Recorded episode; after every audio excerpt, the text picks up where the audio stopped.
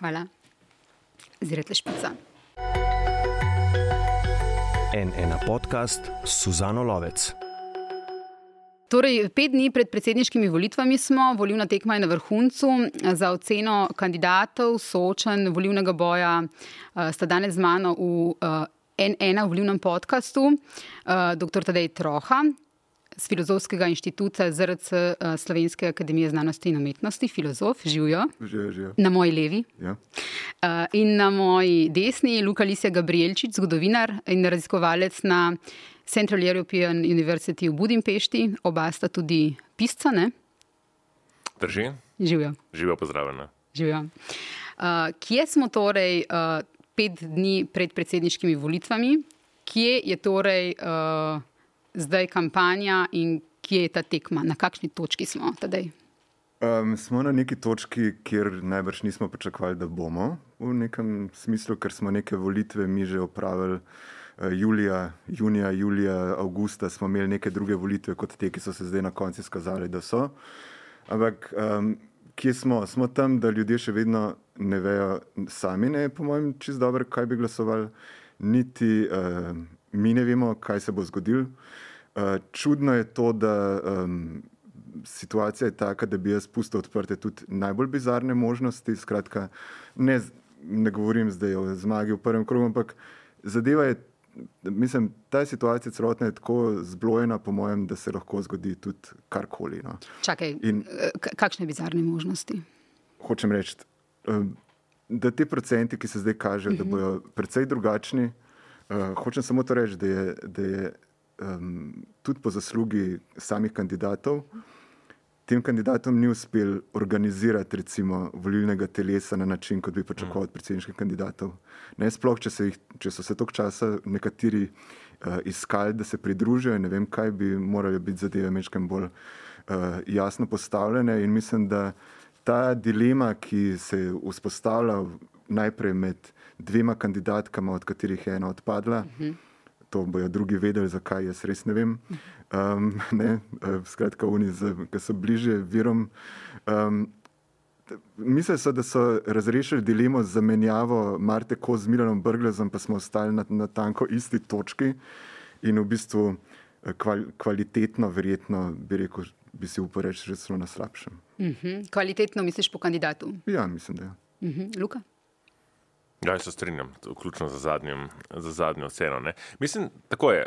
Ja, absolutno. Mislim, da bodo te volitve že zdaj so se izkazale v zadnjem tednu, ne glede zdaj na kakovost soočenja in tako dalje, za dosti bolj zanimive v smislu, kako odražajo trenutno politično situacijo in preference ljudi, kot smo na začetku si predstavljali. Ne. Točno tako. Ne. Mi smo štartali, imamo nabasano volilno leto, ne, super volilno leto, ki bo sledil velik, um, velik nek, nek, neko zatišje ne, v naslednjem letu in še naprej. Ne. Torej, vse se dogaja zdaj tukaj. Ne.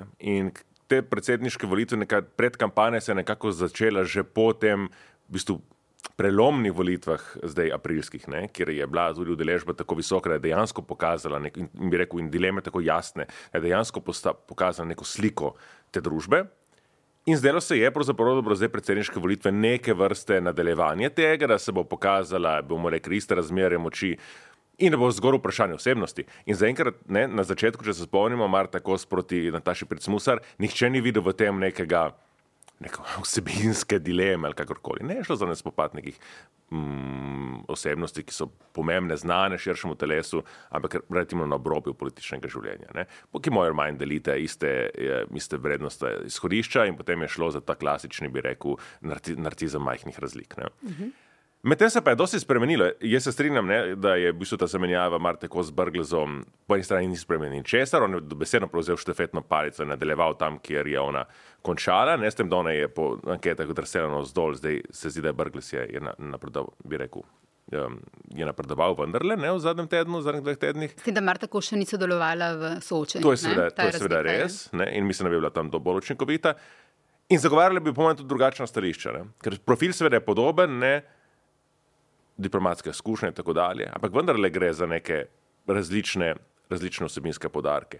In tukaj se je marsikaj spremenilo. Ne? Jaz še vedno mislim, da je vendarle, ne glede na njegove nizke odstotke, vstop Mihe Kordiša v, v, v predsedniško tekmo, tudi marsikaj spremenil. Ne?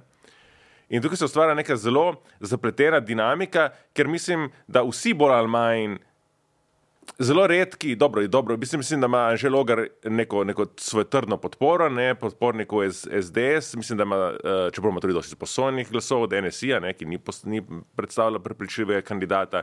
Miha Kordiš ima neko um, trdo jedro glasov, ampak vse ostalo, vsi nekako se odločamo in tukaj lahko govorimo v večini. Ne, um, zelo taktično, ne? se pravi, kdo bo koga lahko premagal, kdo ima večje možnosti. In tukaj je zelo, zelo fluidna situacija. In se, tudi jaz se pa kar strinjam, ne? da v bistvu zdaj ankete in niso, ali pa so mogoče ujele resen eno, ne kot v, v teh uh, sličicah, ki tvorijo nek film, ne, neko, neko sličico v premikanju. Ne? In kar bomo mi videli, kam bi se končal film v, v nedeljo, še pravzaprav dejansko res še ne vemo. Ne? Tukaj je marsikaj odprto. Ja, ne, tle se vidi, recimo, da voljivci SDS lahko niso navdušeni vsi po srcu za mm. zelo gre, ampak dovolj v redu jim je, da ga volijo. Tako tudi eh, pač desničari nimajo, po mojem, težav, mm -hmm. trenutno so zelo na zelo dobri koži, moram reči. Jaz mislim, da uh, lahko volijo človeka, ki še zgleda malo boljši, malo lepši od njih. Tako da to je ideal. Mislim, to bi si mi tudi želeli, ne? recimo, da bi imeli človeka, bi, za katerega bi presodili intimno, da je boljši od nas. To je to, je to kar hočemo. Uh, vendar, če iščemo predsednika, ne? mislim, boljši, sposobni, bolj artikuliran, uh, z, z, večjim, z večjo kontrolo značaja, z, večjim, z večjo zmožnostjo igranja v končni fazi. Ne vse to. Uh, z možnostjo igranja, govoriš o soočenjih. Ja, ja, govorimo o soočenjih od celih nastopov možnostjo postavljati se kot boljši, uh, imenitnejši človek, kot dejansko si. Ja, Desni voljivcem zdaj enkrat po dolgem času jim, jim ni, ni, ni prav sram, da volijo logarja, ne? ker bomo rekli, pri marsikaterih drugih kandidatih in, in, in strankah malo tega sramuje bilo v nekaterih krojih. Ne? Ja, in hočem reči to, ne, da tam je zelo je ključno za to, tudi za, po mojem, za napovedi pač tam so glasovi fiksirani, pa ne zaradi tega, ker bi bili to, to po tej mantri, ne zvesti voljivci, disciplinirani. Ne gre za to. Jaz mislim, da je dobesedno je neka meja, prek katere moraš iti, da se, da se glas fiksira. Uh -huh. Neka toliko prepričljivi morajo kandidati biti, da se fiksira. In na levici, levi sredini, uh -huh. no levi sredini, sredini bom jaz rekel, je tako, da so da manjka večini teh kandidatov uno nekaj malega, da bi rekel, eto, vem. Mhm, mhm. In, in, ja, ja. in to bom glasoval in bri, in da me v nekem trenutku začne, da mi rata vse in kaj bom. In da rečeš, to, to je moj kandidat. Tako, ja, ja, to je moj kandidat. Mhm. Tudi če reče kakšno neumnost, mu zlahka oprostiš. Tudi če ni, ne odgovori najboljš, mu zlahka oprostiš, tudi če se mu zarečemo. Skratka, vse to. In ti stojiš za njim. In to je, to je to, kar sem rekel na začetku. Organizirati politični prostor v tem smislu, da, mm. da narediš. In tudi ko, ko, uh, ko pleteš kandidate, ko jih vlečeš not, mislim, velika neumnost, ali pa rekel, problem, po mojem, osnovni je v tem, Nataša Pirc Musar po svojem profilu, po svojem videu, po svojem nastopu, po svojih političnih stališčih zgleda kot kandidatka Gibanja Svoboda. Mm. yeah. Ja. In tukaj je bil problem od yeah, yeah, vsega yeah. začetka bila je ena kandidatka Gibanja Svoboda in druga kandidatka ja. Gibanja Svoboda, ena uradna, ena neuradna, ob tem, da je Nataša Pirc Musa zgledala, da ima večjo kilometrino v tem mm. Gibanju Svoboda, bolj intimni del tega ja, ja. gibanja je bila. Ja, Ker ja. Marto, ko se spomnim, so, so prenesli dobesedno kot lik na, na, mislim, da na ustanovni tej kaj, konferenci, ki so imeli. Ja, Marta, ko še te smem prekiniti, ona je ja. bila ključna takrat, ne zato, ker uh, kampanja se je začela, ko je udarila ko je udarila ukrajinska kriza, oziroma na ukrajinska kriza, natančneje povedano, pač invazija se je zgodila, ne, kriza je trajala že dolgo časa. In zdaj, ne, seveda, z Logarjem kot znanim ministrom, z Janšo, ne, z, ki je od začetka zastavil svojo vlado v nekem geostrateškem ne, sliki in tako dalje. Zdaj, je bilo to dejansko velik manjko gibanja Svoboda, da pravzaprav nima dobenega programa zunanje političnega. Ne? Postaviti Marto Kos, ki je izjemno učinkovito nastopala na teh predvoljenih soočenjih, ne? ki je v bistvu pravzaprav zmlela marsikatere sogovornike. Ne? Če se spomnite, takrat Petriča, vse, tako se je meni zdelo, ne? pa se ne nujno strinjam z njo glede vsega. Um, imela je zelo suveren nastop in je dala v bistvu temu gibanju, lete, mi imamo koherenten diskurs uh, zunanje političen in osebo, ki stoji za njo. In to mislim, da je bilo. Eh, mnogo bolj pomembno uh, za marsikateri del voljivcev, kot, kot si predstavljamo. Ne? In pač na tem je pač, uh, potem mislim, da hotel naučiti nekaj, kar pa se je vendarle govorilo že zelo, zelo dolgo časa, še pred Janšovo vlado, še pred Gibanjem Svobode, še predvsem tem, da ona ima ambicijo vstopiti v, v predsedniško tekmo. In je hotel to naučiti in zdaj, kaj se je potem zgodilo, je težko, je težko rečemo. Mislim, da pač, uh, mislim, da Gibanje Svobode ni bila zelo navdušena nad, nad to, kar je potem ona pokazalo v kampanji. Ne. Ampak tedej, če te prav razumem, uh, torej to, kar ima desnica, to, da točno vejo, to je moj kandidat. Uh, se na levici torej ni zgodilo, Ja. uh, voljivci uh, kolebajo med enim, drugim in verjetno tudi tretjim. Tretjim in četrtim. In tretjim in četrtim. Uh, kako se bodo torej v finišu, po tvojem mnenju, odločali? Kaj zdaj torej odloča te, te zadnje dni? Soočen, recimo, na katere vedno pravimo, da, da posebej pri predsedniških volitvah ogromno odločajo soočenja, ker se pokaže ta nek. Um, Duh človeka ali pa način obnašanja, vedenja, eh, gledamo osebnosti, teh soočenj je res, res ogromno. Ne vem, če jih je bilo kdaj že toliko. Um, kandidati so, po mojem, že utrujeni. Mislim, problem je, ja, se upravičujem. Se pravi, sem soočenja po večini z, z redkimi, redkimi izjemami so tudi silno problematična letos, ker reproducirajo točno to zmedo, ki je. Torej, uh, soočenje pomeni to, ne, da se dva usedeta, tri, šest, sedem se jih usede in se sooči po večini glede istih tem. a ne. Ja. Uh, osnovno pravilo je, da dobi sedem ljudi od vprašanje in ima možnost podati odgovor na isto temo. In da se izkristalizirajo razlike. temo. Ja? Ja, da, se, da vidiš razlike. Kaj, kar mi tle delamo, Ena na ena. je Enka, vs, za vsakega posebno vprašanje, posebna greh, posebni greh, posebna afera. ne vem kaj, In potem moramo mi odločiti, da tako rečem, med um, tem, a, je, a ima Nataša Pirc prenisko plačo, si izplačuje prenisko plačo, med tem, k- eh, med Brglezom in njegovo šahovsko zvezo ali pa njegovimi stroški evroposlancev, ne vem, kaj točno je. Zdaj najbolj eh, važno, ali pa ne vem, karkoli. In Kordiševo nivo? in, Kordiševo nivo. eh, se- os- sk- Nivo, seveda, od Sabine Senčar, um, hidroksiklorokin, ne vem, da je to. Skratka, ti imaš stvari, ki jih moraš potem spet se odločiti med tem. Te zadeve so neizmerljive med sabo. Kaj, kaj pa jaz vem, kaj je hujše od tega? Skratka, kot volilec eh, in gledalec eh, si želiš, si oba želita več uh, soočanja mnen, več kandidatov o isti temi, da se izkristalizirajo razlike, ne pa da voditelji z njimi debatiramo na način. Vaš greh ena, vaš greh dva. To se naredi enkrat, ne? to se naredi ena na ena, po mojem, to se naredi tako. Kdaj? Ja. Ne, mor, ne morem več, mislim, dobesedno dve zadnji veliki soočeni, ki sta, bile, ki sta bili na, na Popu in na TV Slovenija.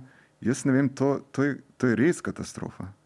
To je res katastrofa, ker dobesedno. eh, eh, Tisko, jaz, jaz to dosti tako gledam, ker v bistvu mi je osebno za te volitve predvsej vseeno, bom čisti iskren. Um, in gledam in pravim se uživati v to, a meni to producira zmedo, ali mi producira neko jasnost in producira mi zmedo, ker, ker sem kot da sem, sem, da sem na ena možnost, je, da je histerija in da je pač leti vse naokol, druga pa, da imam feeling, kot da sem v nekem vakumu, da, da se sploh ne morem znajti. Tako je bilo pa na popu, recimo zdaj na zadnje. In, in to, to je težko, mislim. In ne vem, zakaj so te zadeve tako zahtevne za premisel. No. Uh, da še nekaj mogoče omenim, kar, nisem, kar sem na začetku pozabila, za gledalce in gledalke, ki tudi nas uh, gledajo. Uh, mi tri smo vsi testirani, ker smo se nahajamo tukaj v majhnem studiu. Vsi tri smo se danes zjutraj testirali, tudi jaz sicer se vedno testiram, preden imam goste v studiu, uh, tedaj pa nosi tudi masko. Uh -huh. uh, bomo pa o epidemiji nekaj rekli še ob koncu tega podcasta.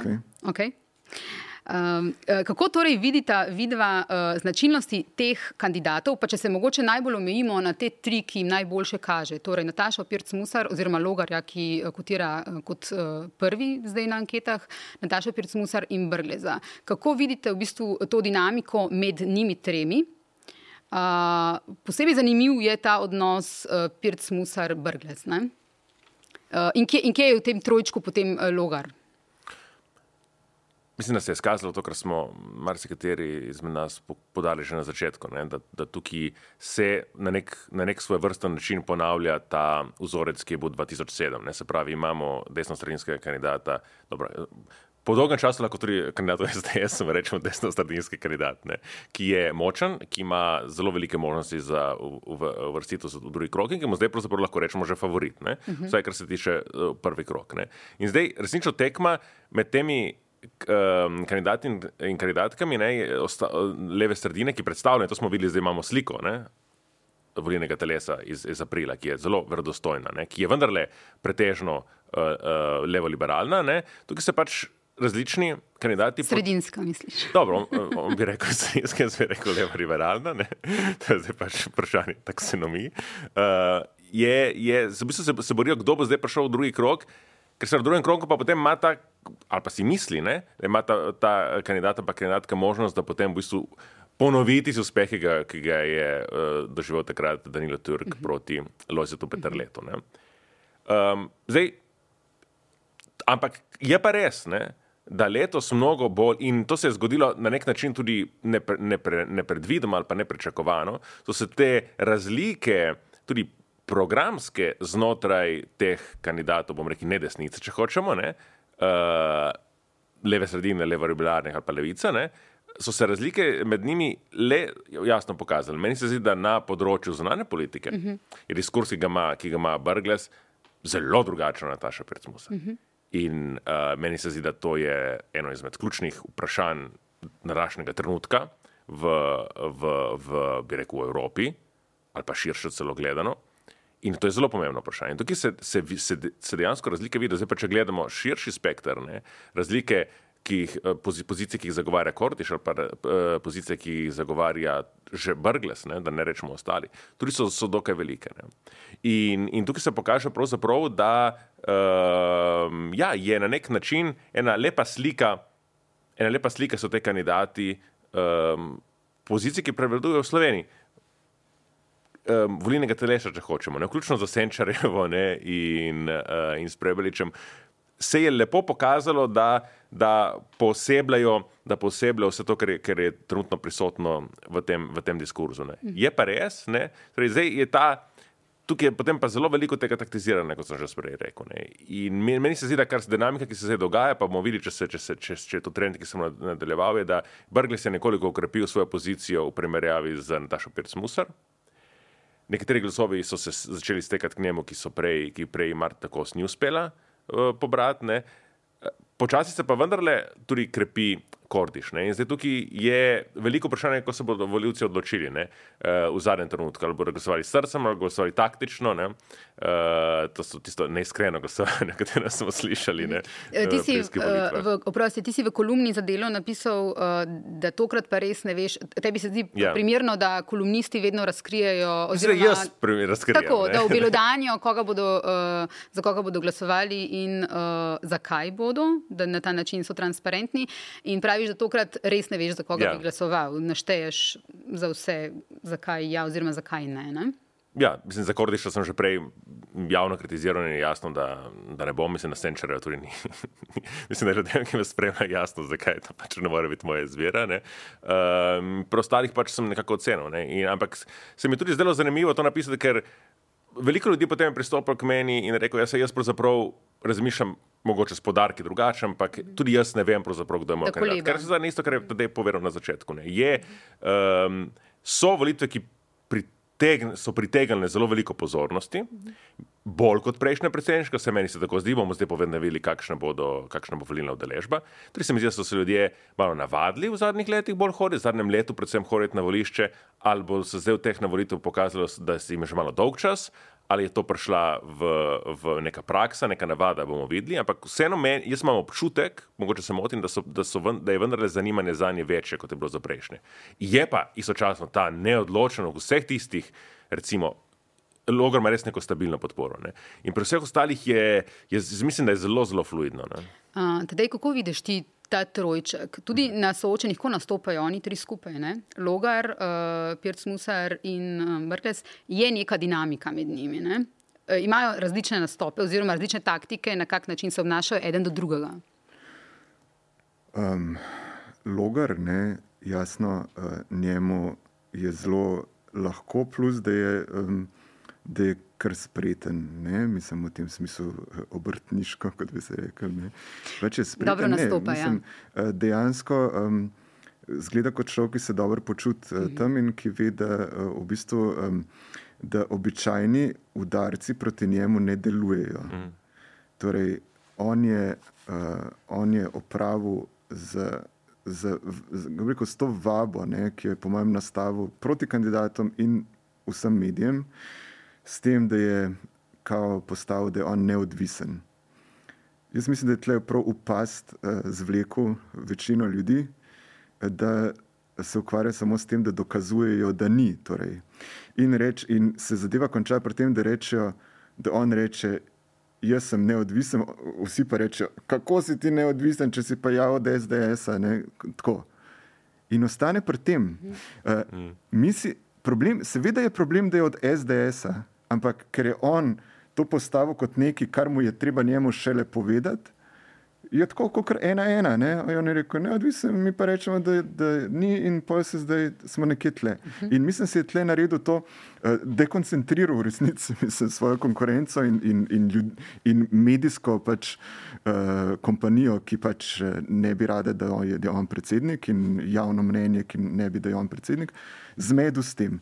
In tomu in, in, in de facto deluje pač kot, da, kot nekdo, ki bi to lahko bil.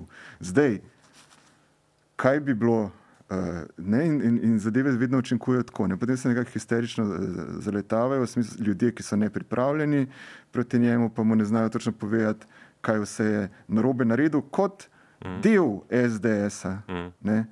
Kaj pri, čem, pri, pri čem vsem konkretno je bil deležen s svojimi glasovanji v parlamentu, na vladi in ker, ker, ker, ker mu tega ne daš, tako da se pogovarjaš z podnebnim zanikovalcem, ne pa ti reče, da mi pove, mislim, če nisi informiran, ga težko sesuješ, ker ti on reče, da mi en primer, to je bilo, mislim, da je prva uh, glih uh, včer, ne, na vašem soočenju. Zbrgle, uh, ja, ja, imela ta duel. Dajte mi en primer. Uh, uno, no, tam, ki ste se takrat proti umu, ne, mislim.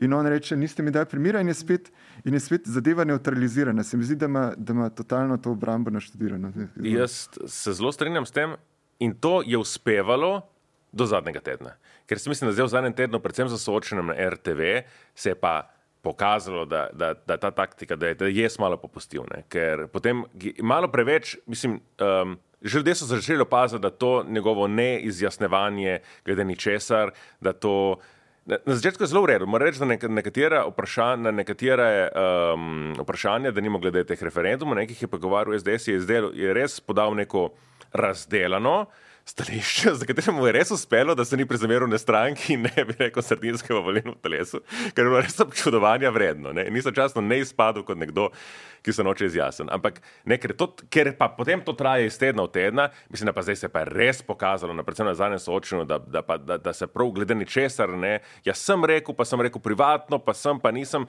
je zdaj pa postalo malo tu mač. Uh, malo tu mač in s to me v bistvu ja. postavlja še na drugega. Res, je res, da mu to ni oduzelo glasov, ne? mu je pa res postavilo neko bariero, ne? pa se mi zdi, ne, uh, da so to ljudje zdaj, zdaj pa že opazili. Da... Je pa je re, absolutno res to, kar je rekel Tadej. Uh, vse se je vrtelo okrog tega, zato ker pač v delu je neče še zdaj in to si že, že dokazal. Pač ni, treba na, ni treba argumentirati naprej. In je manjkalo, bi rekel, ta res tehno vprašanje, kaj pa je. Bil problem tema. Je res problem to, da je on član neke stranke ali je mogoče problem kje druge? Kaj je on delal kot, kot ministr za zunanje zadeve? Glede na on-paper, ki se je zelo malo omenjal, nekaj se je zgodil under his watch, ne? uh, je on imel neko politično odgovornost glede tega, ne? glede vseh glasovanj v vladi, ne? glede vseh dogajanj znotraj stranke, ne, so neke konkretne stvari, kjer se ga bo treba vprašati in ga postaviti. Ne. In mislim, da se je zdaj v zadnjem tednu res. To se na RTV so ga malo tako prijeli in se je izkazalo, da tega res nima nič zapovedati. In to, da nima nič zapovedati prvi teden, je v redu. To, da še vedno nima nič zapovedati tretji teden, je malo že. Čeprav vse ljudje v Sloveniji imajo radi, če nimaš nič zapovedati, ne če si predsednik države. Je, Ja, ampak če niso SDS. problem je v tem, ne, da, da mislim, jaz mislim, da to ne zdaj, če na koncu se razkrije on kot nekdo, ki res nima stališča. Ja, seveda ga nima, mislim, oziroma ga ima.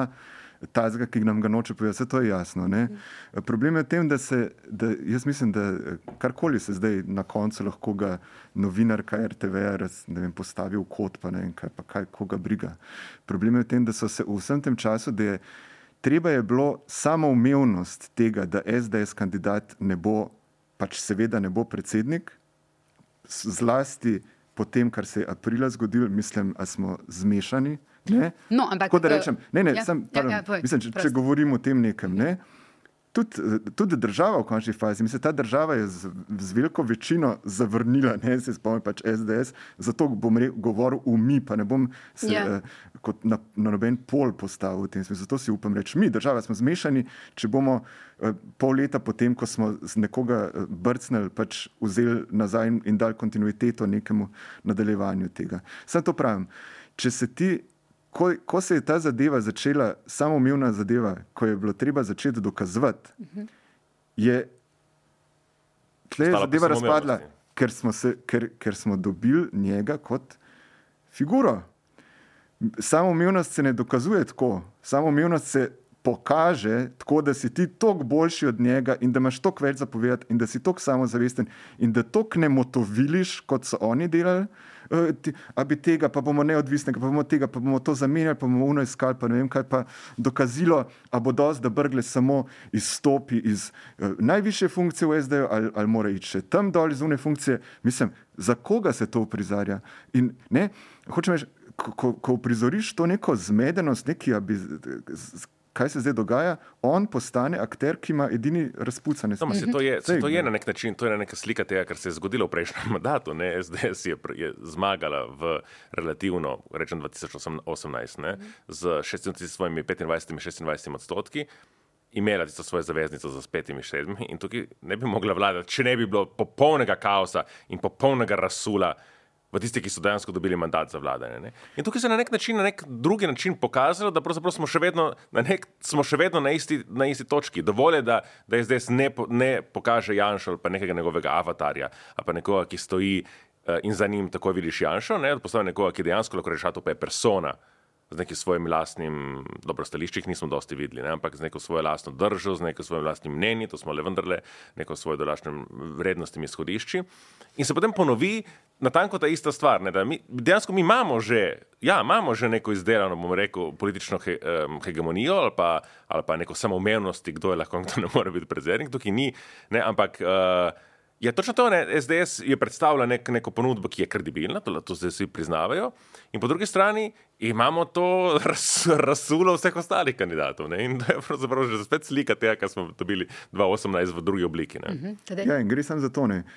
Problem je, sej, če, se, če se pogovarjam potem o drugem krogu, recimo potencialno. Ne, pač, uh, Tisto, kar bo treba, problem je v tem, ko ti ne uspeš pobude prevzeti in ko moraš zalaufati antilogar, da, da bo drugi krog kot antilogar, mm. kot neka nova verzija, anti-janša, levo, desno, Ja, ja. yeah. kako koli že. Bo veliko manj prepričljivo. Uh, bo izgledalo, kot da se proti njemu borijo ljudje, ki so v bistvu prvi krok izgubili, ampak ne samo v procentih, ki so ga izgubili, ki, ki, so, ki so spodleteli v tem, da bi preprečili, da bi od SDS-a kandidat, kakršen koli že je, postal relevanten.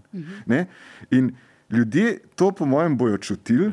In še enkrat se zaganjati v ta z manj entuzijazma, pon, oponašati uh, afekt iz aprila, pa iz uh, referenduma o vodah, to ne gre kar tako. Ja, ja, ja.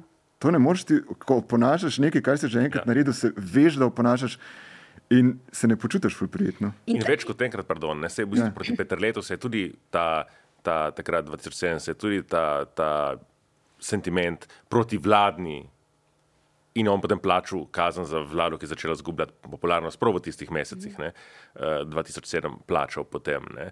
Uh, nek, in je pa res, ne, je, je, to se je že dosti krat ponovilo, zdi se nam tudi, jaz sem to zapisal, da, je, da se bo to samoumevno zgodilo tudi tokrat. Uh, in ravno zaradi tega obstaja možnost, da pa mogoče ne. ne. Jaz mislim, da zlasti proti, dobro, moče to je moj predsodek, ampak zlasti proti Brglezu, jaz mislim, da bi imel logar kar šanse, ne? zato ker Brglez se mi zdi tako. Zdaj smo pri drugem krogu, ne? Pri drugem krogu, ne? Skratka, a, a, a, ali se strinjamo, uh, oziroma kaj mislite, ali če pride do drugega kroga, ima logar tudi realne možnosti? Ali ne? Mislim, da, da, da Ja. ja. ne, ne visoke, ampak ima. ima.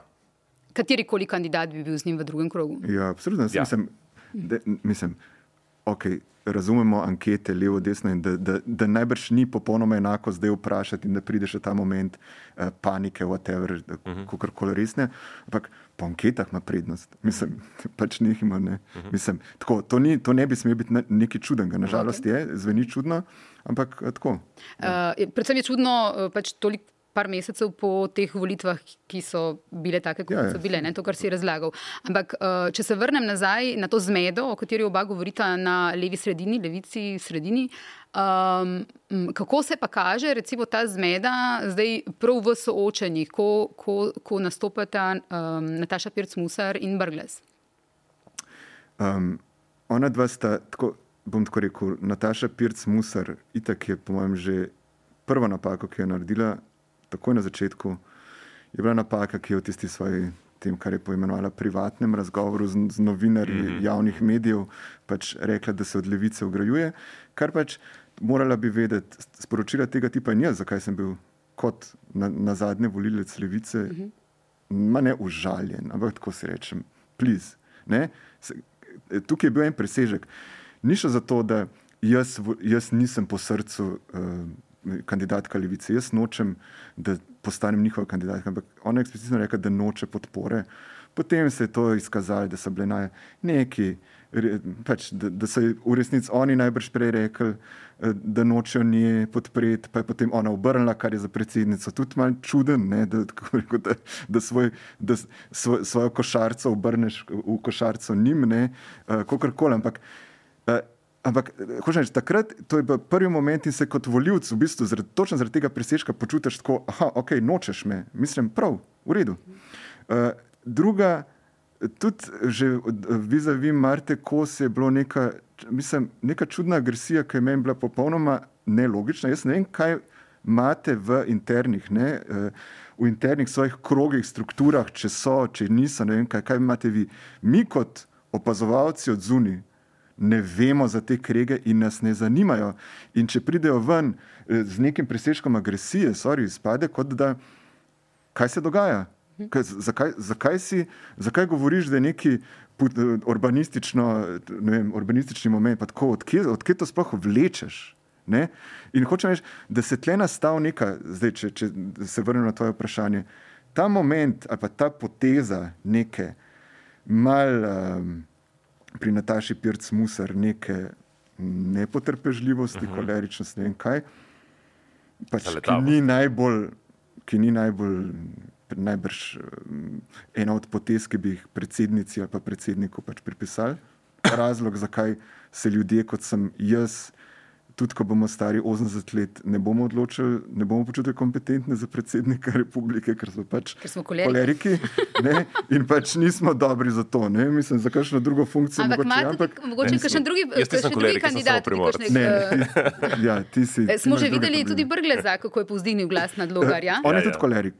Ja, ja. Ne, sej, to- mislim, da je celo prizna. Sej to je on ni rekel kolerik, rekel je, da s- Tikal ga je. je človek, je človek, ki se je rekel, da, mislim, da v nekem intervjuju, uh, jaz včasih izgubim, uh, vzrojim, pa ne vem kaj. Se je povedal. Skratka, imamo dva kolerika, zdaj bom tako rekel. En, uh, Nataša Pircmusar, ki je odvetniško artikuliran kolerik in uh, Milan Brgles, ki je m, Srednješolski profesor, Ja, kolerik, ne. pač un, ki, ja, ki, bo, ki bo znorel sred ure enkrat, ker pač petkrat ne bo, pa bo ta šestič pa bo. bo pa kredo vrgel. Ne, bo ja, kredo, gobo, karkoli, ne, neki.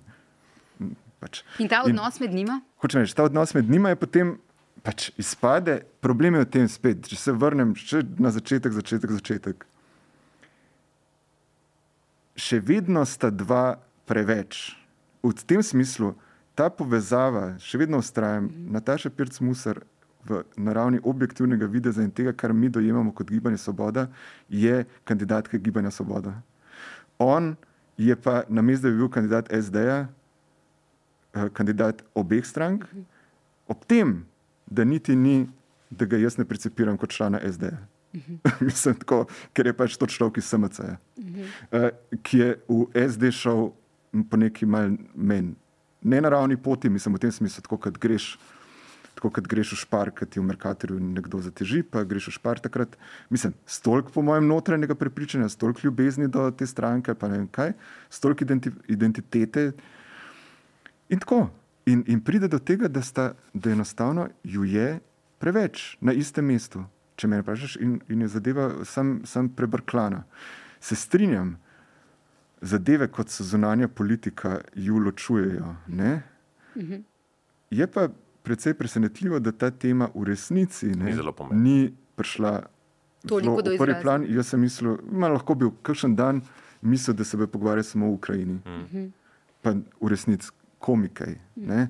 In v bistvu, pa tudi tukaj moramo paziti, ko bi zadeva, če bi zadeva prišla v resno razpravo, bi Brgles svoje stališča, tako kot on zna, že omilil, oziroma bi jih eh, še mečkal Popeglal. Mislim, po, omilil, bom rekel, približal recimo tvojim stališčem, eh, po- potisnil v, v sredino, kakorkoli, Ja. ja. oziroma v, v, v, v ta. V, v smer tega, kar se v evropski politiki pričakuje, da se govori. Ne? Uh, in vse, kar bi dobil, no, sej, tako rečem, od tega ne bi imel nič, ne, mislim, itak, izgubil bi iskrenost, izpadel bi še večji kompromisar, kot je. Mm.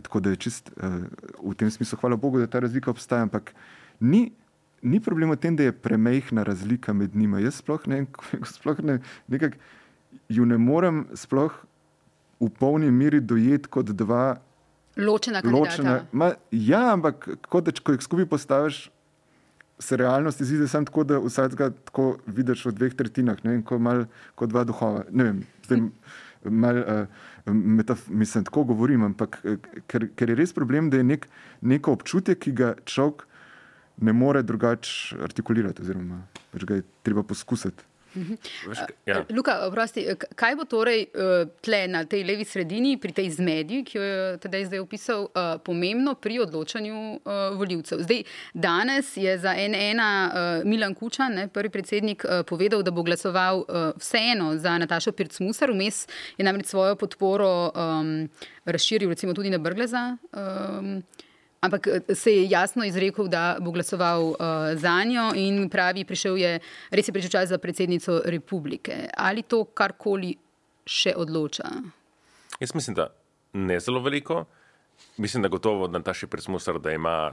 Ta, da, da, ima, da, ima, da ima to podporo, je gotovo koristno na začetku. Uh -huh. Jaz mislim, da zdaj se bo ta novica popolnoma zgubila in da um, razen mogoče res treh navdušencev ne, iz 90-ih let, nostalgikov, ki, ki manično brskajo, kaj je rekel Kučan ne, in se potem obzirajo po njemu, to na velikega vpliva ne, ne bo imelo. Ne. Pa kaže pa neko konsistenco. No, ne, takrat eh, podprl Natašo Pirsmusar, po mojem, zanj, kaj bi bil verjetno kandidat, ki bolj ustreza. Njegov intimni kandidat, ne, ko smo govorili aprila, je bil bolj brgles, ampak je ustrajal pri svoji začetni podpori, ker tudi kaže neko, neko, neko konsistenco. Ne. Jaz mislim, glede te zmede in to, kar smo omenili, uh -huh. uh, mislim, se zgodilo se je nekaj, kar se dogaja neprestano na tem levem polu. Ne. Se pravi, da so neke zelo jasne razlike glede ideološke usmeritve, politik, ekonomske politike in tako dalje. Bomo rekli le, um, levo od sredine, ne, ali pa vsem tistem, kar ni desnica. So, jasno je, da obstajajo. Ampak kako se, potem, od- pardon, kako se potem zdaj odražajo v različnih kandidatih in strankah, to pa je popolnoma akcidentalno. Uh -huh. in, in, in točno to se dogaja. Ne? In zdaj eh, je, je ta, ta, ta dvojna igra. Ne? Zdaj, če bi bili kandidati drugi, bi se tudi Marta Kos, pardon, bi se tudi eh, Nataša Presmursa pozicionirala drugače, Brgles bi se pozicionirala drugače in se dejansko. Um, Gibajo se ne, po tem spektru, ne, zagovarjajo zelo protinistična stališča, proti, ne, se pravi, zdaj, jaz mislim, da če ne bi Kordiša bilo v tej volilni igri, če bi, volica se odlo, se bi, če bi se levica odločila, da naj gremo v koaliciji s skupnim kandidatom in bi podprli Brgleza, kar ni razloga, zakaj ga ne bi. Ne? Um, bi on ravnal drugače. Ampak zdaj, ko ima Kordiša na, s- na, s- na, na svoji levi, dobro, zdaj Kordiš kotira tistih 5-6 odstotkov, ne, malo je zboljšal rezultat, ampak da 5-6 odstotkov je zelo pomembno, da on prehiti Marto Kos. Ne. Ja, pardon, Nataša. zakaj se mi neprestano to dogaja? Ne? Zaradi tistega razloga, kar smo omenjali prej, ne? da v bistvu sta dva avatarja istega stališča, ne? ta šopir smusar. Ne? In da to naredi, uh, se mi zdi, da taktika je taka, da reče. Implicitno pravi voljivcem Kordiča, gledajte, vse je zelo fajn, ne, sej, ampak on ne bo nikoli prišel drugi krok, to je izgubljen glas. Volite mene, ker ne boste nič izgubili, ne, ker vse tisto, kar on pove, bo se zagovarjam samo jaz, samo bolj učinkovito in bolj zmerno. Ne. In zdaj, če bi prišel on v drugi krok, bi točno to naredil, kar, eh, kar je rekel Tadej. Ne bi pa pokazal, ne, ma se pravzaprav, jaz sploh nimam takih pozicij, kot bi se že spet pozicioniral drugače. Ne. In um, ta, ta, ta gromozanski oportunizem vseh teh kandidatov, ki se gibljajo po tej sferi in zagovarjajo tisto, kar je najbolj ustreza, ne, znotraj, bomo rekli, te levo sredine, šir sensulato, ne, um, se potem kaže v, taki poziciji, kot je predsedniška, ki se pa vendarle pričakuje neko bi rekel, da je človek nek menš, ne, da stoji na nekem, ne, da, da, da, da je neka persona, mm, to pa potem ne, po taki kampanji. Nima potem neko, eh, ne, neke davke, tijari od kandidata. Ne. Kdorkoli se bo, bi rekel, od teh Brglez ali pa zdaj ne, Nataša Pircmusar, ki sta favori, največja favorita, uvrstili v drugi krok. Z logarjem? Z logarjem bo to, te, bo to težilo. Ne? Ker na eni strani bo, bo kandidat, ki kljub temu, da se ni izjasnil, glede na česar, je projiciral nek imič, da je on persona. In bolj kot so ga napadli, glede te njegove odvisnosti in neodvisnosti, bolj se je, bi rekel, imel priložnost, da je pokazal, jaz sem svoja lastna oseba in nisem avatar nikogar. In na drugi strani ima nekdo, ki ja, je povedal vse in ni in nasprotno od vsega. In, in to bo on izkoristil, zdaj, če bo znal izkoristiti, to bomo pa videli. Uh -huh. uh, Tedaj, kaj bo odločalo v naslednjih dneh? Um, of, joj. Um, Pač kuča ne. No. kuča ne, jaz mislim, da, da kvečemo. Mislim, jaz sem, moram reči, da, da um, podpore kandidatom so pa zlasti, mislim, endorsement je pa tisto, kar naj bi organizirali politično polje.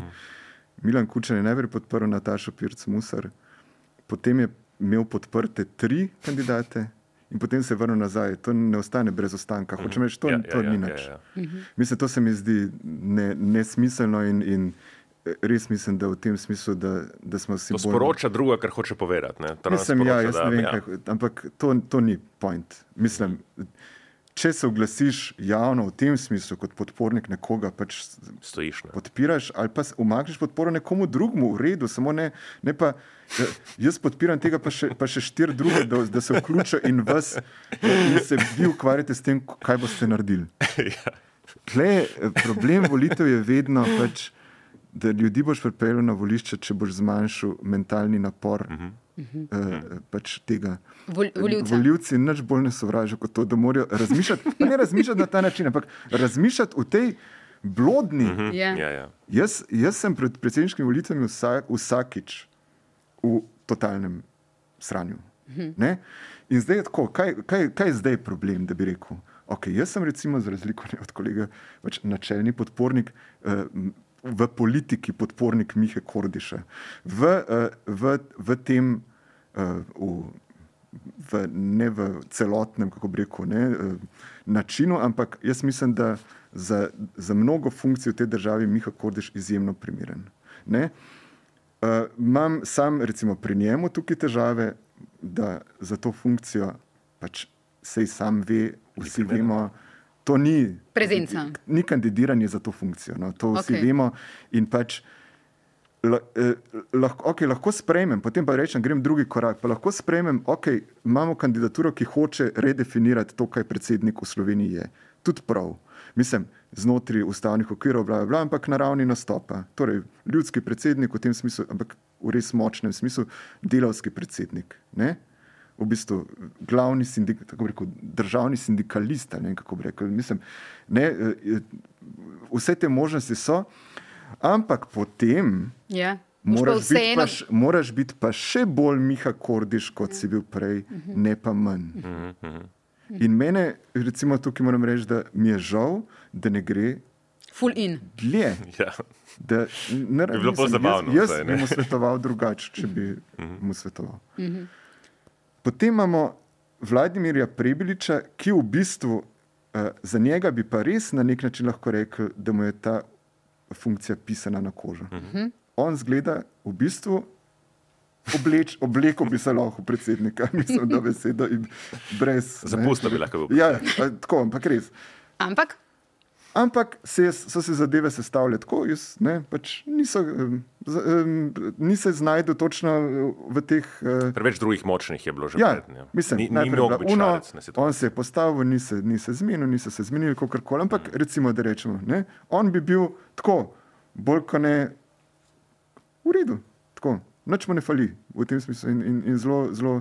Mhm. Potem imamo pa dva, jaz mislim, da Nataša Pirc-Musar, ki je sicer ki pravi, da je ta funkcija pisana na kožo in na ne, v nekem smislu, bi vsi verjeli, da je, ne? ampak ima pa problem, po mojem, zdaj lahko v drugem krogu v tem, da je do rekel, bom zdaj rekel v, v Kordiševih besedah, ne, do delovskega razreda, ne, odkrito uh, nekje med indiferenco in celo, kako rekel, mal, mal, mal jih bom na stran dala uh -huh. v tem smislu. V, v tudi, tudi v simbolnem smislu, ne, da rečem, da recimo ta primer te njene, te njene plače. Ne, uh -huh. Kako se izplačuje, ne vem, 1300 ali ne vem, se ni važno. Neko imamo, plačo, ja? ki je še zmer za dva minimalca. Okay. Lahko rečemo. Ona potem reče, da je to plača, s katero se izplačuje tako plačo, da lahko z njo preživi. Kao, točno idealna plača za njo.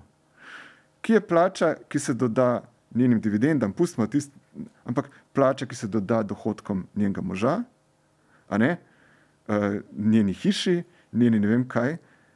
Skratka, ta plača je na eni strani preniska, da bi rekel, da je dovolj visoka, In hkrati je še vedno previsoka, da operiraš s kategorijami, jaz se izplačujem za to, da lahko preživim. Ne, mislim, tako da rečem. Problem je, da v Sloveniji ni razreda, ki bi ga ona nagovarjala. Ja, ni, tem, ne, ne, to, to je to. to pač, ta plača je, je, to je plača nižjega srednjega razreda, če ne počasi celo nižjega, mislim, tako, nižjega srednjega razreda, bomo rekel čist tako genau.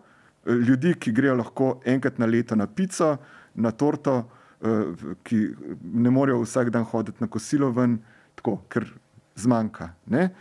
Torej, ko, ko, ko to reče človek, ki hkrati bo za kakšno televizijo se poka, pokazal svojo, ne, ne rusko dačo, svojo lastno hišo, Rebeka Drema, šla pogledat noter, kdo ne, na YouTubu, ne, uh, pa imamo, eh, kaj je tam, kaj je tam, aha, tlele, vse zgleda top, ne, mislim, jasno, to je pač udob, udobno bivanje, super, krasen. Samo, kaj hočem reči, vse te informacije, te načini, pa potem v bistvu prek odnosa do Kordiša, tisti začetni odnos do levice, ne, pa ne, ne eh, liberalizem, ta zelo odkrit. Ona zna imeti resne težave v drugem krogu pripeljati ljudi iz leve, uh mhm. -huh. levega pola, ki so zunaj tega babla, tviterskega, eh, medijskega, kako koli. Uh -huh. ne, ne bo. Malega človeka, se reče. Malega človeka. Ne. Malega levega človeka. Malega človeka ali pa mene, no, mislim, okay. tako, ne. Yeah. Ja. Mali človek po srcu ali kaj, ne, mislim.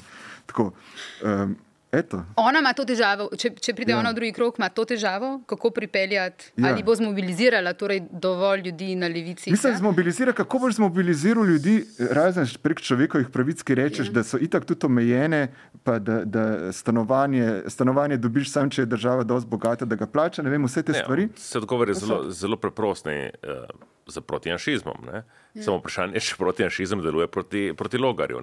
In obstajajo zelo velike Jaz sem mislil še na začetku kampanje, da ja.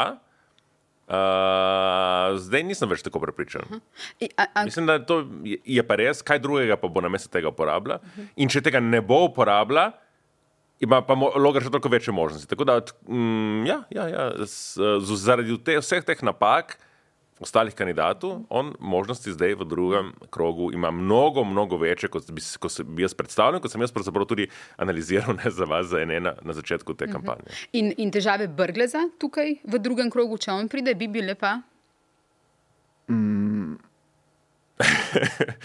Mislim, ena težava je, po mojem, ena težava je, uh, je določen segment ljudi, ki se ne prekriva tako čistočno levo-desno. Uh -huh.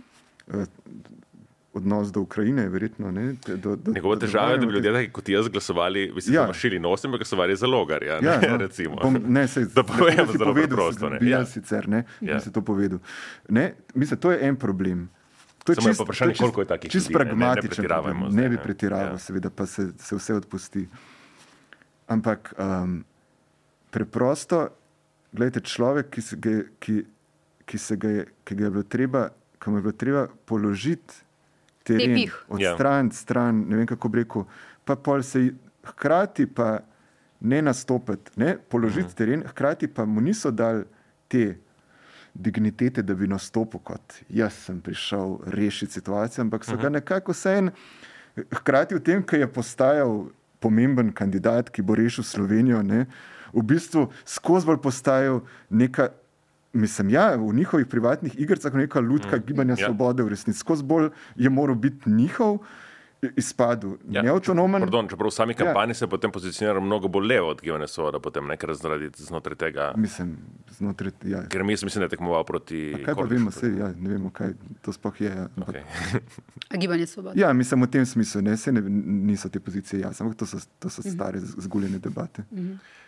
Um, okay, um, Ni Kadej- persona, ne, če dovolim. Pri Brglu dejansko ni, ni se pozicioniral. Mislim, izgubil je to na to možnost, on ima neke prednosti, ne? on, on je nek intelektualec. Ne? Ampak pri njem se ta intelektualec vedno tepa z nekim politikom, ki pa je grozovito neroden in, in neučinkovit politik. Ne? In jaz mislim, da v tem sporu, da nimo med, med uh, Miro Cerar in Brgles, največ iskrenosti je bilo, kar sta eden povedala drugemu. Ne? In to, kar je povedal Cerar o Brglesu, se mi zdi, da kar precej drži, ne? kot drži, kar je obratno. ne.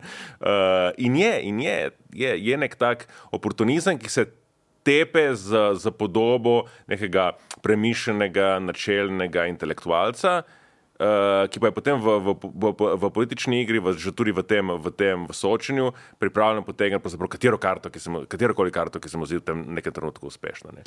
Je, ima, ima res, ima res uh, prota, Prav te kampanje, mogoče vse pri meni, si je ne, ne samo za svojimi zunanjimi političnimi pozicijami, ampak tudi za svojim nastopom. Nekaj, recimo, dobro, se tudi z Marto, ko se marsikdaj nisem strinjal, ampak osebno je, je, je vzbuja neko spoštovanje. In mislim, da je, da si je, da si je Brgle za to svojo mešanico, točno to, ne kmečka nevesa, in isto, istočasno odrašenik, ne to vse in nič, ne to je. To bo zelo, zelo težko potem v drugem krogu proti, proti Logaru, če ne bo uporabil tega proti Janšu, proti, Janši, proti, Janša, ali pa proti desnici element. Se pa strinjam, da ga on utegne uspešneje uporabiti kot eh, Nataša Pircmusar. pravi, tukaj je. Mislim, ja, tukaj bo zadeva od zunaj veliko bolj prepričljiva, pa tako Ja. naprej. Ja. Ampak ne, mislim, problem je v tem, da eh, Milan Brglez, ne pač ja, v času SMC-ja, njegova, vsa njegova politična veljava je bila relativna v zelo strogem smislu. Skratka, on je bil pomemben samo kot tisto nekaj, kar, Kar ni Miro Cerar. Ne. V bistvu je ta, on, on je politik neke odvisne eksistence, mm. mislim, Ja. on ja. lahko samo, samo tam je deloval. In ko ga ti postaviš Ja, ja, v celoti, ja. on ni. Uh, jaz mislim, da, da preprosto eh, človek, ki, ki vstopi v politiko in ki gre v resnici št- skozi štiri leta nekih, iz, nekega kompromitiranja, pa nekih eh, predstav, predstav ne in predstavic o svoji veliki vlogi. Ne vem, če se spomnimo, recimo zdaj govori, kaj bi počel. Ne? Hamlet brez drame Tista, tista, tista uh, famozna, velika zgodba njegova, kako je on pri zakonu o tujcih uh -huh. nastopil. Jaz sem takrat bil blazno angažiran v to in se spomnim v živo tiste seje, ki je trajala do ne vem kdaj. Uh -huh. On, za katerega smo sicer vedeli, da bo, da bo uh, sklepali, da bo najbrž eh, proti, uh -huh. se je, mislim, da v glasu zdaj lahko me kdo popravi, ampak v bistvenem smislu najbrž praktično zadnji v parlamentu. Jaz mislim, da bi on na tej funkciji, recimo že takrat, moral priti ven, javno povedati, jaz bom tako glasoval, ne pa da je suspens zdržal do konca, ko zadeva itak ni več o ničemer, mislim, ko se ni da več nič spremeniti. Mi smo čakali in tle vidiš to spet. Jaz, jaz, jaz, moja vloga, moje junaštvo, moje, kar, ki pa je v bistvu fake, uh -huh. ker v bistvu je vedel, da nič ne bo s tem dosegel, in to so junaštva, ki so znotraj okvira tega, ko veš, da ne boš nič dosegel. In to pač ni predsedniško. ne. In, in to se čuti, to ja. se čuti tudi zdaj. Jaz mislim, da je problem v tem, jaz tisto, kar, kar pri njemu opažam, doskrat. Uh, mislim, to hočem reči. Ta, kot če ti v tem kom, kompromitiranem, kompromitirani eksistenci živiš, če si potem še evropski poslanec in imaš še problem s tem, da si predober plačen, strukturno predober plačen, in če tega ne upraviš sam, že prej, in preden sploh karkoli narediš, pol tiste plače direkt v humanitarne namene daš, si pečen. Ne? In Brgles bi lahko igral s, tem, s to svojo podobo, samo na karto tega, da je popolnoma čist, ampak res popolnoma čist. To, ta šahovska zveza pri njemu deluje kot razpad, mislim, to je Ja, ja, ja. katastrofa, pa še zdaj ne vem, kaj je šahovska zveza.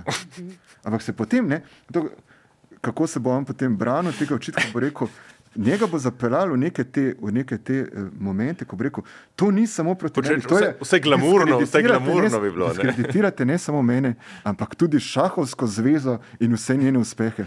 Pa To je bilo včeraj pri nas soočanju. Ja, Ja, ja. ja, res je. Mislim, šaha noben ne gleda, nismo let.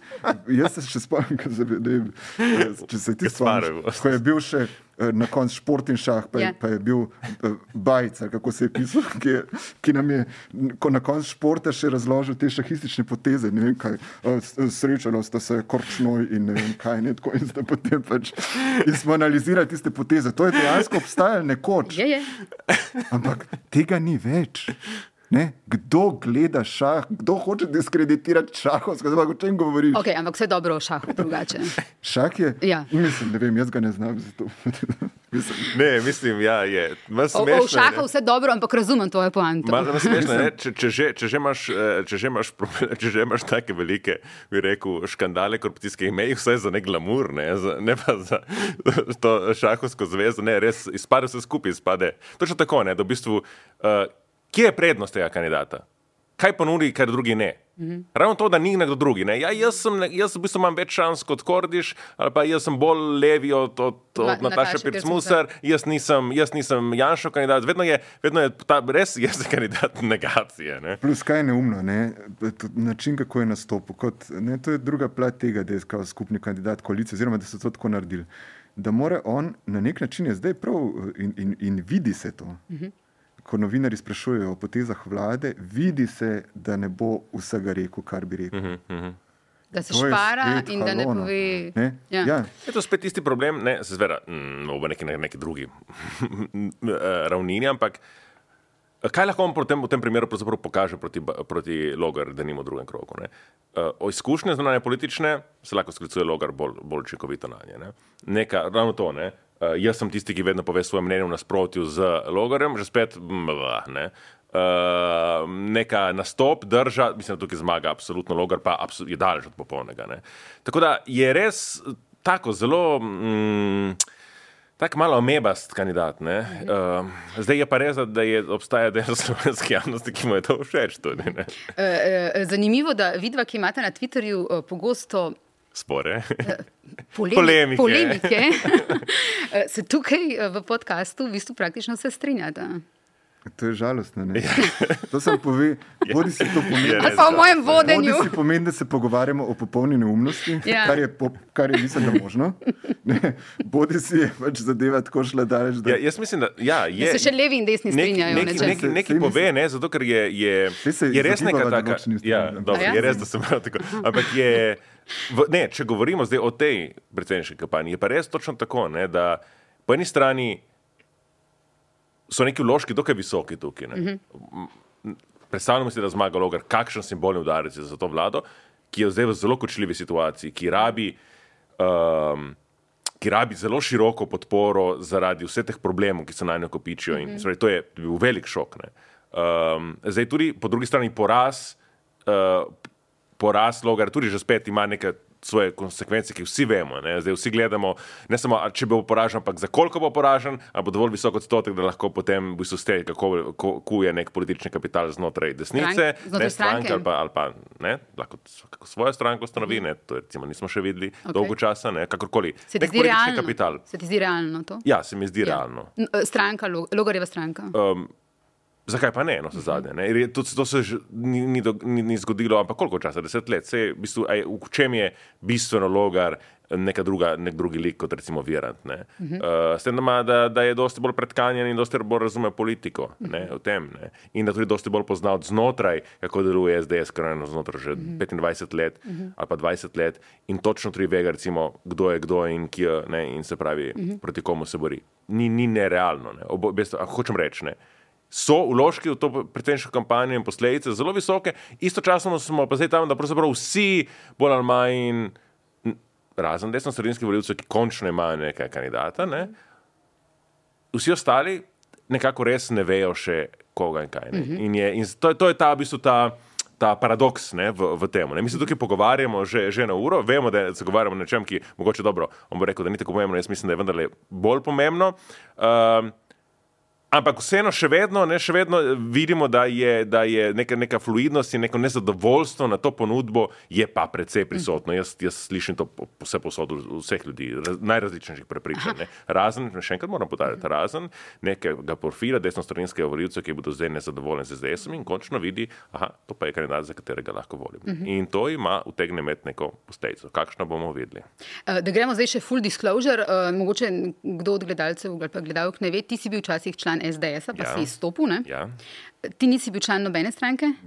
Uh, imaš pa zdaj, nastopaš na listi neodvisnih za lokalne volitve v Ljubljani? Pridružil sem se listi neodvisnih ja, za mestni svet. Tako. Um, uh, zato tudi o. o... Mislim, da, da, da to, to je hecen, ne? kot človek, ki uh, ni verjel, da ki ni verjel, da obstaja kakršna koli osebina tega pojma. Eh, pač moram reči, da po ljudeh, ki so na tej listi, bi lahko to rekel, da je eh, prvo pravo poimenovanje. Neodvisni. Ja, mislim, uh, govorimo o mestni politiki, to so čisto ja. nekaj druge zadeve. Ja. Ne, se, se to tudi o mestni politiki, o Ljubljani danes ja. nismo govorili. Ampak, če je to moj greh, ne zdaj primerjamo. Ne, to pa, o ne, to nisem to, kot greh. To, to pa nisem naštevala kot ena na ena, kot s kandidati, ampak samo. Uh, še to pa, ne, mogoče, da naredimo res full disclosure. Um, tedej tebe bom pa uh, vprašala o tem izstopu iz uh, NJZ skupine, oziroma uh, ti si bil član delovne skupine za družbene in komunikacijske vidike v sklopu nove posvetovalne skupine pri NJZ. Gre za komunikacijo. Kaj bi morali uh, s COVID krizo delati, mhm. -huh. kako komunicirati. In si iz tega izstopil, ne, prejšnji mesec. Uh -huh. Um, zakaj? Oziroma, če, če sem jaz prav razumela, izstopil si zaradi tega, ker tudi ta vlada, po tvojem mnenju, ne upošteva stroke. A sem prav povzela? Ja, uh mhm. -huh. mislim, absolutno. Zdaj, zdaj koliko resen odgovor in koliko globok odgovor si želiš? Ja. Kar?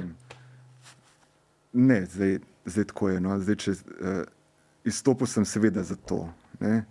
Um, znotraj delovne skupine so se zadeve eh, odvijale toliko, kako rekel, seveda ne optimalno, ampak pač tako, kot se odvijajo v neki ad hoc, uh, neki dosti na hitro postavljeni uh, zadevi sred poletja. Ne? Ampak zadeva se zaštarta in dobi svoje, rekel, svoje gonilo in spodbudo za nadaljevanje tega, da so prvi predlogi sprijeti. Uh, na polno ali niso. Rekel, začne se zelo entuzijastično, potem pa zadeva pri večini jasno malo začne usihati. Ne. Ampak, da tako rečem, tisto, kar je bil moj problem, je bil tem, uh, ta, ta posvetovalna skupina je bila nekaj, kar si je, bi upal reči, zaželela ta vlada, da se oblikuje. Um, kot je bil nek nenapisan družbeni dogovor, seveda, da se to točno tako naredi da se oblikuje skupina, vse ima not. Skupina, ki jo vodi epidemiolog, ki vključuje tudi druge profile, zato da ne bo zdaj zadeve preveč klinične, pa da ne bojo samo znali. Skratka, točno to, kar se je dve leti in pol pač govorili in vrteli. Torej, zadeva se je postavila točno tako, kot so si želeli, s točno to glavno figuro, kot je bila največja želja, po mojem. Z uh, ljudmi, ki so not, ki so uh, vsi ki, od, od katerih noben je nek zmaj. Ne, rekel, tako, vse je bilo točno tako narejeno, da eh, bi morali izpolniti še drugi del tega nepisanega odgovora, in da bi vlada morala verjeti, da ta skupina predlaga točno take stvari, ki jih je ta vlada zmožna sprejeti. Uh mhm. -huh. Torej, tle je bilo že veliko uživanja. Veliko, eh, kako rekel, napovedovanja, absolutne nemožnosti tega, kaj bi sprejeli. Mislim, ene, enih zadev nismo predlagali, Tudi zato, ker je bilo jasno, da, da, da bo smešen. Hoteli smo, kao, gremo, gremo zdaj poskusiti ta dogovor, ki je bil tak. Mi oblikujemo stališča, podajamo predloge, vlada v tem odloča in jih tudi implementira. Vse v tem je ves problem. Uh, zdaj je, kaj je, konec oktobra. Mi smo dali predlog za to, da se zadeve označijo, kje so maske priporočljive in obvezne, sredi julija. Uh -huh tega še vedno ni. Torej, ITD, ne, pred, takrat smo že predlagali to, da se maske delijo na pred, vem, na vhodih v javne stavbe, vsaj pred bolnicami, vsaj pred, eh, pred, na javnem prevozu, na postajališčih. To je bil eden od predlogov. Nič.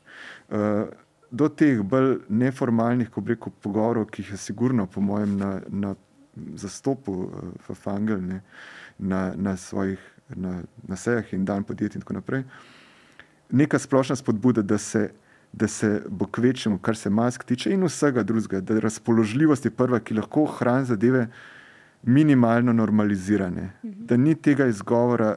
Mislim, ljudje so maske pometali v smeti, po mojem, mislim, dobesedno. Tudi ko prideš. Uh, jih ni. Ne, ne tudi ko prideš v, v poteste, te, ki jih v šoli. Ja. Brezplačno dobijo, ja. oziroma jih šolari dobijo, te, kar čudno gledajo v lekarni, ker si eden od redkih, ki pride to iskati. Včeraj si imel na obisku VDC-ja, nekaj pa res. Um, ne, um, Težavna, težavna zavod je bila ena sama maska, ki je tam bila na razpolago. No, ja, ne, se pravi, se, to je bilo. No, mislim, da je bilo takrat julija, ne, je bila stava nekako ta. Ne. Mi v bistvu mi, nismo uh, imeli nekih. Uh, tako, mislim, da je neka skupna, da rečem, ambicija ta, da se zadeve toliko normalizirajo, neki določeni ukrepi, da je nositi masko, ne nositi masko, biti cepljen, ne biti cepljen, mm. testirati se, ne testirati, da so to dve enakovredni opciji mm -hmm. v praksi. Mm -hmm. Vemo, da, da maska ni normalna trenutno. Ne? Mislim, tako da rečem, jasno, da ni normalna več eh, v, v nekem smislu. Testiranje, če se izvaja na en-ena, mislim, jaz ne vem, kje se še ne. Obstajajo seveda neke točke, kjer se to počne, ampak ne. Hočem reči, samo toliko, da zadeva ostane bazično pripravljena za morebitno, eh, če bi bilo treba kaj orank narediti, da, da bi zadeve takrat še veljale in nekako prebroditi tudi ta čas, ko uh, novela ZNB ni veljala in ko se v bistvu bi se morali spet sprejemati eh, protivstavne odloke, odloke brez zakonske podlage, česar pa pač ne bi naredili, ampak bi na nek, v nekem smislu morali. Ne vem, kaj bi naredili v primeru, da bi se eh, zgodilo, ne vem, vojno stanje razglasili, ne vem, bi, kako bi preprečili. Ne? Ampak hočeš, in to je to. Uh, in v nekem, v nekem smislu, kot ti poskušaš biti konstruktiven, predlagaš, čakaš, pritiskaš. Si stroka in poveš, vidiš kot stroka pa, vladi, ki hoče stroka. Vidiš, pa, sem to ja? vam rekel, ne, ker ni samo, eh, ni samo pasivno nasprotovanje bilo, tudi na tej ravni. V istem času, ko ti predlagaš neki, eh, ne, pač vlada dobesedno izreka stvari, ki so kontra, čist na, na, na te nad, na čist idejni ravni. Ti hočeš okužbe ustavljati, jih zmanjševati, omejevati, vlada jih v nekem obdobju začne spodbujati v smislu, da je fajn se okužiti, to ne gre skupaj, mm. to se tepe. In ko vidiš, ko ti napišeš v, v strokovna izhodišča, eh, poudariš z gledom, prosim, večkrat se povedal. In to je bilo tudi osebno rečeno, kot jaz vem. A lahko vi na svojih teskovkah nosite maske, tako, sam zato, nikakor. Mm -hmm. In pa je tako, ne, kaj boš zdaj, eh, če ti nekomu, ti od nekoga in potem, da, da na to položiš to, da rečeš, mi upoštevamo priporočila stroke. Je, ja, čakaj, mislim, kaj je priporočilo? Za koga naj to priporočilo velja, če ti ne nosiš te maske? V največji možni gužvi, recimo na nekem, ne vem kje. Za koga potem pa velja? Če, plus, če si starši na 60 let in si še ranljiva skupina, ne po tej klasifikaciji. Tako da, uh, mislim, vzeli je čudno preveč časa, to, mhm. preveč energije, preveč, mislim, ko se zaletavaš v to, kaj bi, kaj bi še se dal narediti, ne samo meni, večini ljudi, ki so tle bili zraven. In uh, sem šel tudi zato ven, zato da uh, eventualno, um, da bi to imel kakšen efekt, čist, da se stvari razreše. Preprosto mislim, drugače se ne da tega povedati. Jaz nisem hotel od znotraj, kako bi rekel, na, na čist direkt način tega govoriti, ker se mi ne zdi korektno. Uh -huh. okay, hvala lepa tudi za to pojasnilo. Obema hvala lepa za nastop v N1 volivnem podkastu. Uh, upam, da se še kdaj vidimo. Ja. Z veseljem. Mogoče pred drugim krogom, če bo. Tam, tam se bo treba odločiti. Jaz se ne bom odločil tako kot tam. Tako. Bo bolj živahno. Uh, hvala še enkrat, hvala tudi gledalkam in gledalcem, eh, poslušalkam in poslušalcem. Uh, spremljajte se nas še naprej. Uh, na volivno nedeljo še posebej spremljajte nas na n1info.si. Uh, naš desk pripravlja zelo, zelo intenziven večer. Hvala še enkrat. Hvala. Hvala.